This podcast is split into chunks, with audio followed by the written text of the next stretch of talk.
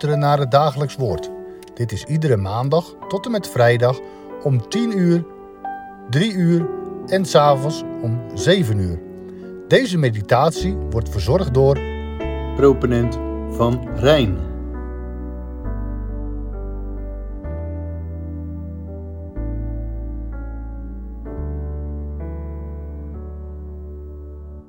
Luisteraars, vandaag lees ik met u uit het Evangelie naar Matthäus. We lezen met elkaar de versen 1 tot en met 6 uit het vijfde hoofdstuk. Boven dit gedeelte staat de zaligsprekingen. Toen Jezus de menigte zag, ging hij de berg op. En nadat hij was gaan zitten, kwamen zijn discipelen bij hem. Hij opende zijn mond en onderwees hen en hij zei: Zalig zijn de armen van geest, want van hen is het koninkrijk der hemelen. Zalig zijn zij die treuren, want zij zullen vertroost worden. Zalig zijn de zachtmoedigen, want zij zullen de aarde beërven. Zalig zijn zij die hongeren en dorsten naar de gerechtigheid, want zij zullen verzadigd worden. Broeders en zusters in Christus. Voor de komende tijd staan de hoofdstukken 5 tot en met 7 van het Matthäus-evangelie op het rooster. Het zijn de hoofdstukken die ook wel de bergreden worden genoemd. Het zijn woorden van de Heer Jezus die hij heeft uitgesproken vanaf een berg. En welke berg dat precies geweest is, dat weten we niet.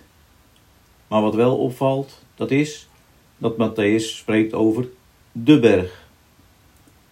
Het zal volgens Matthäus dan ook wel een berg geweest zijn die voor de Heer Jezus en zijn discipelen bekend geweest is.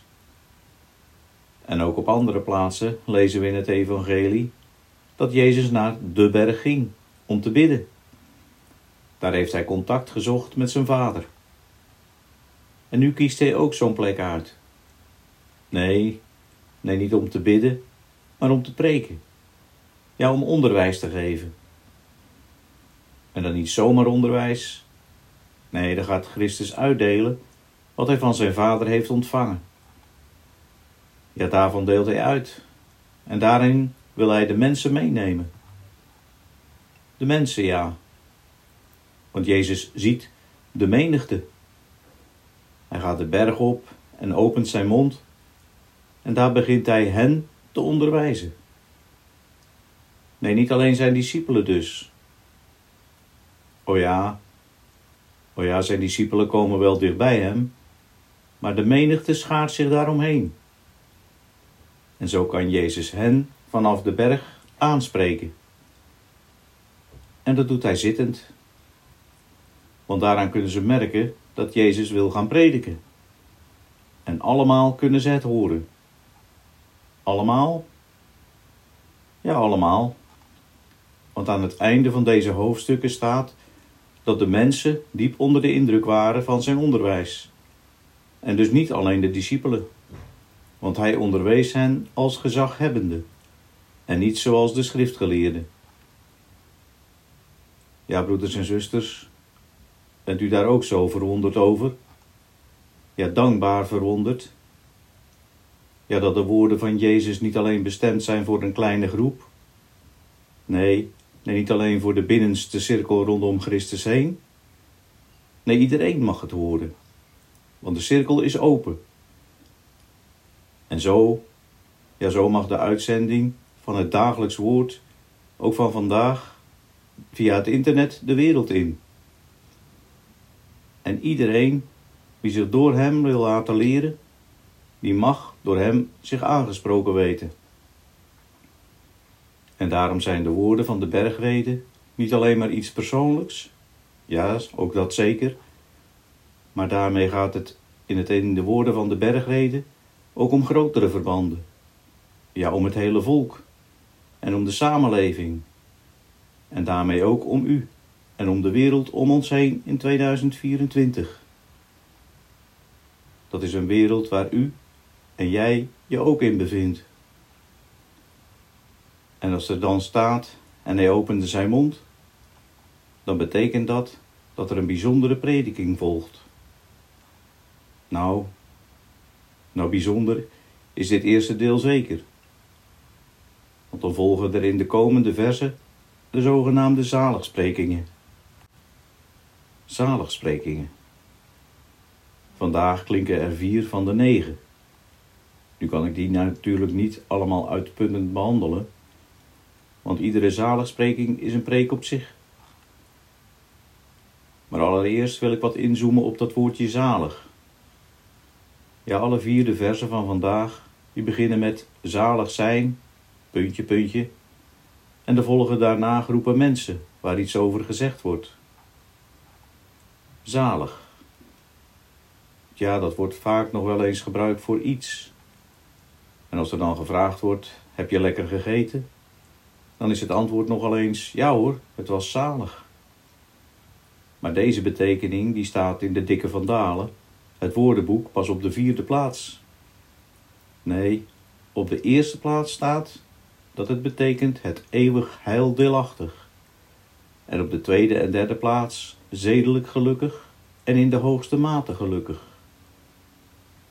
En zegt u nu zelf, dat gaat toch ver boven die vierde, die vierde platte betekenis uit, ja toch?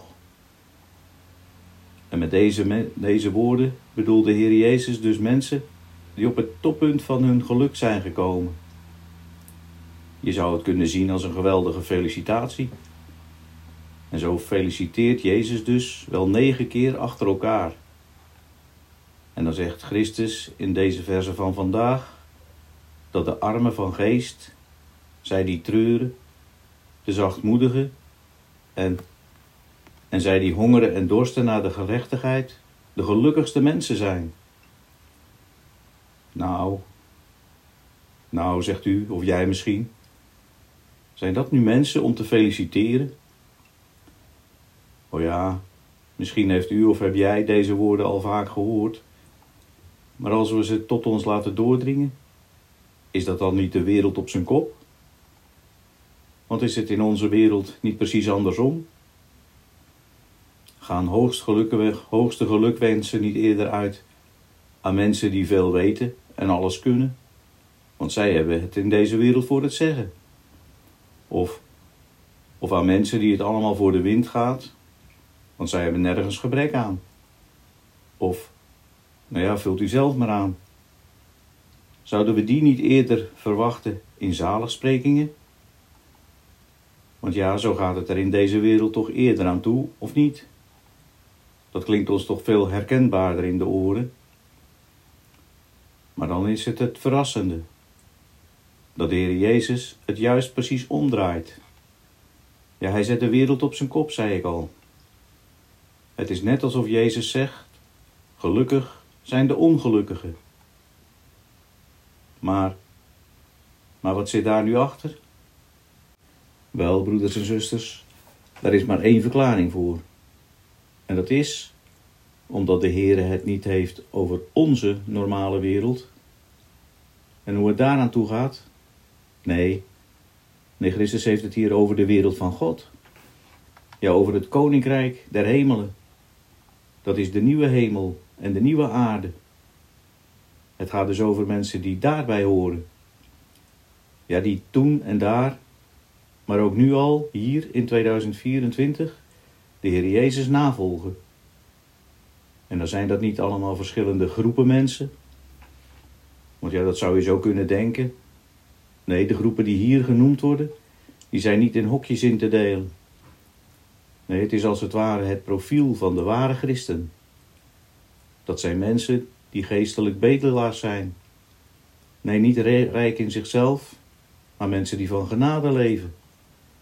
Mensen die de Heere God bidden en danken voor alle geestelijke en natuurlijke behoeften.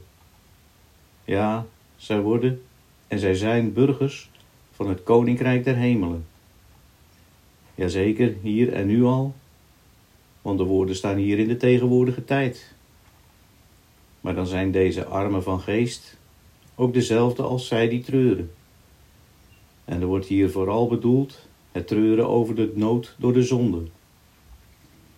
Maar eens, eens zal alle leed daarover worden weggenomen. En dan kan het toch niet anders dan dat zij ook zachtmoedig zijn? Nee, nee, geen zachte eitjes, maar mensen die de moed hebben om zacht met de naaste om te gaan. En dus geen brutale mensen die de halve wereld hebben. Maar wel mensen die de liefde van Christus uitstralen. En tegelijk ook hongeren en dorsten naar de gerechtigheid. Nee, geen wettische of fariseïstische gerechtigheid. Ook geen eigen gerechtigheid. Maar wel de gerechtigheid die Christus verdiend heeft aan het kruis. En waarmee hij verzoening heeft aangebracht. Broeders en zusters, bent u, of ben jij al zo'n arme van geest? Ja, die treurt over je zonde. Bent u, of ben jij ook een zachtmoedige in deze wereld? Een die hongert en dorst naar de gerechtigheid? Als dat zo is, hè, dan ben je zalig. Ja, dan mag je ervan verzekerd zijn dat je ook vertroost zult worden en straks ook een plaats zal krijgen op de nieuwe aarde. Want ja, dat zal gebeuren. Die woorden die staan ook in de toekomende tijd. Het koninkrijk is nu al wel tegenwoordig, maar de volheid daarvan is nog aanstaande. Verlangt, verlangt u er ook al zo naar? En jij? Ja, dat is het blij vooruitzicht dat mij streelt. Zingt u het al mee? Ik zal ontwaakt uw lof ontvouwen, u in gerechtigheid aanschouwen, verzadigd met uw goddelijk beeld. Halleluja. Amen. Laten we eindigen met dankzegging. Ja, heren, tot u komen we ook op vandaag. En dan danken we uw naam, dat ook vandaag uw woord weer mocht klinken. Ja, die zaligsprekingen. En heren, als we dan daaraan mogen deel krijgen, dan kan het toch niet anders dan dat we u gaan prijzen. Ja, heren, dank voor het woord ook van vandaag. Wilt u ook met ons zijn in alle omstandigheden waarin we leven? Heren, wilt u ons helpen bij alles wat we doen? Maar wilt u bovenal ook geven dat we die zaligheid mogen beërven die Christus heeft verworven. Dank, Heren, voor alles. Vergeeft u ons het verkeerde en zegent u ons. Uit genade vragen het u. Amen.